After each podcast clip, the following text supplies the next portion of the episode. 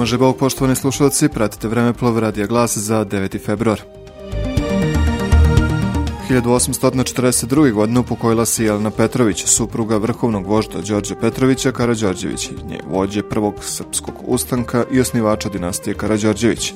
Rodila se u selu Masloševo 1765. ili 1771. godine. Bila je čerka Bosiljke i jasaničkog odbor kneza Nikola Ivanovića.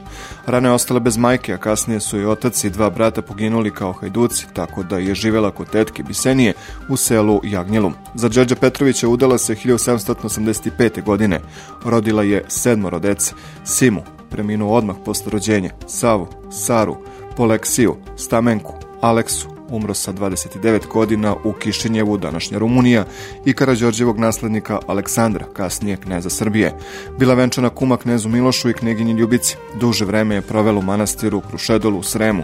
Po nalogu kneginje Ljubice svečano je opojena i prebačena u Topolu, gde je sahranjena. Na današnji dan 1849. godine rođen Pavle Jovanović, novinar, pokretač Srbobrana prvog srpskog političkog lista u Hrvatskoj. Godine 1873. Rođen je srpski istoričar Jovan Radončić, član Srpske kraljevske akademije. Gimnaziju je završio u Novom Sadu, studirao je u Beču kod Jagića i Jirečeka. Nakon doktorata 1896. godine radio je kao nastavnik Srpske gimnazije u Carigradu i u Carigradskom Ruskom arheološkom institutu.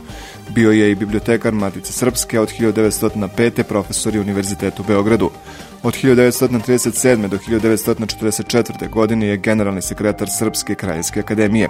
U međuratnom periodu izvesno vreme je i narodni poslanik. Njegova najpoznatija dela, grof Đorđe Branković i njegovo vreme, preveo je i dopunio Jirečekovu istoriju Srba koji je pripojio i Jirečekovo delo, država i društvo u srednjovekovnoj Srbiji, priredio i zbirku građe, Dubrovačka akta i povelje. Na današnji dan 1883. godine Nikola Tesla skicirao svoj prvi patent motor sa najizmeničnom strujom. Pratili ste vreme radija glas za 9. februar.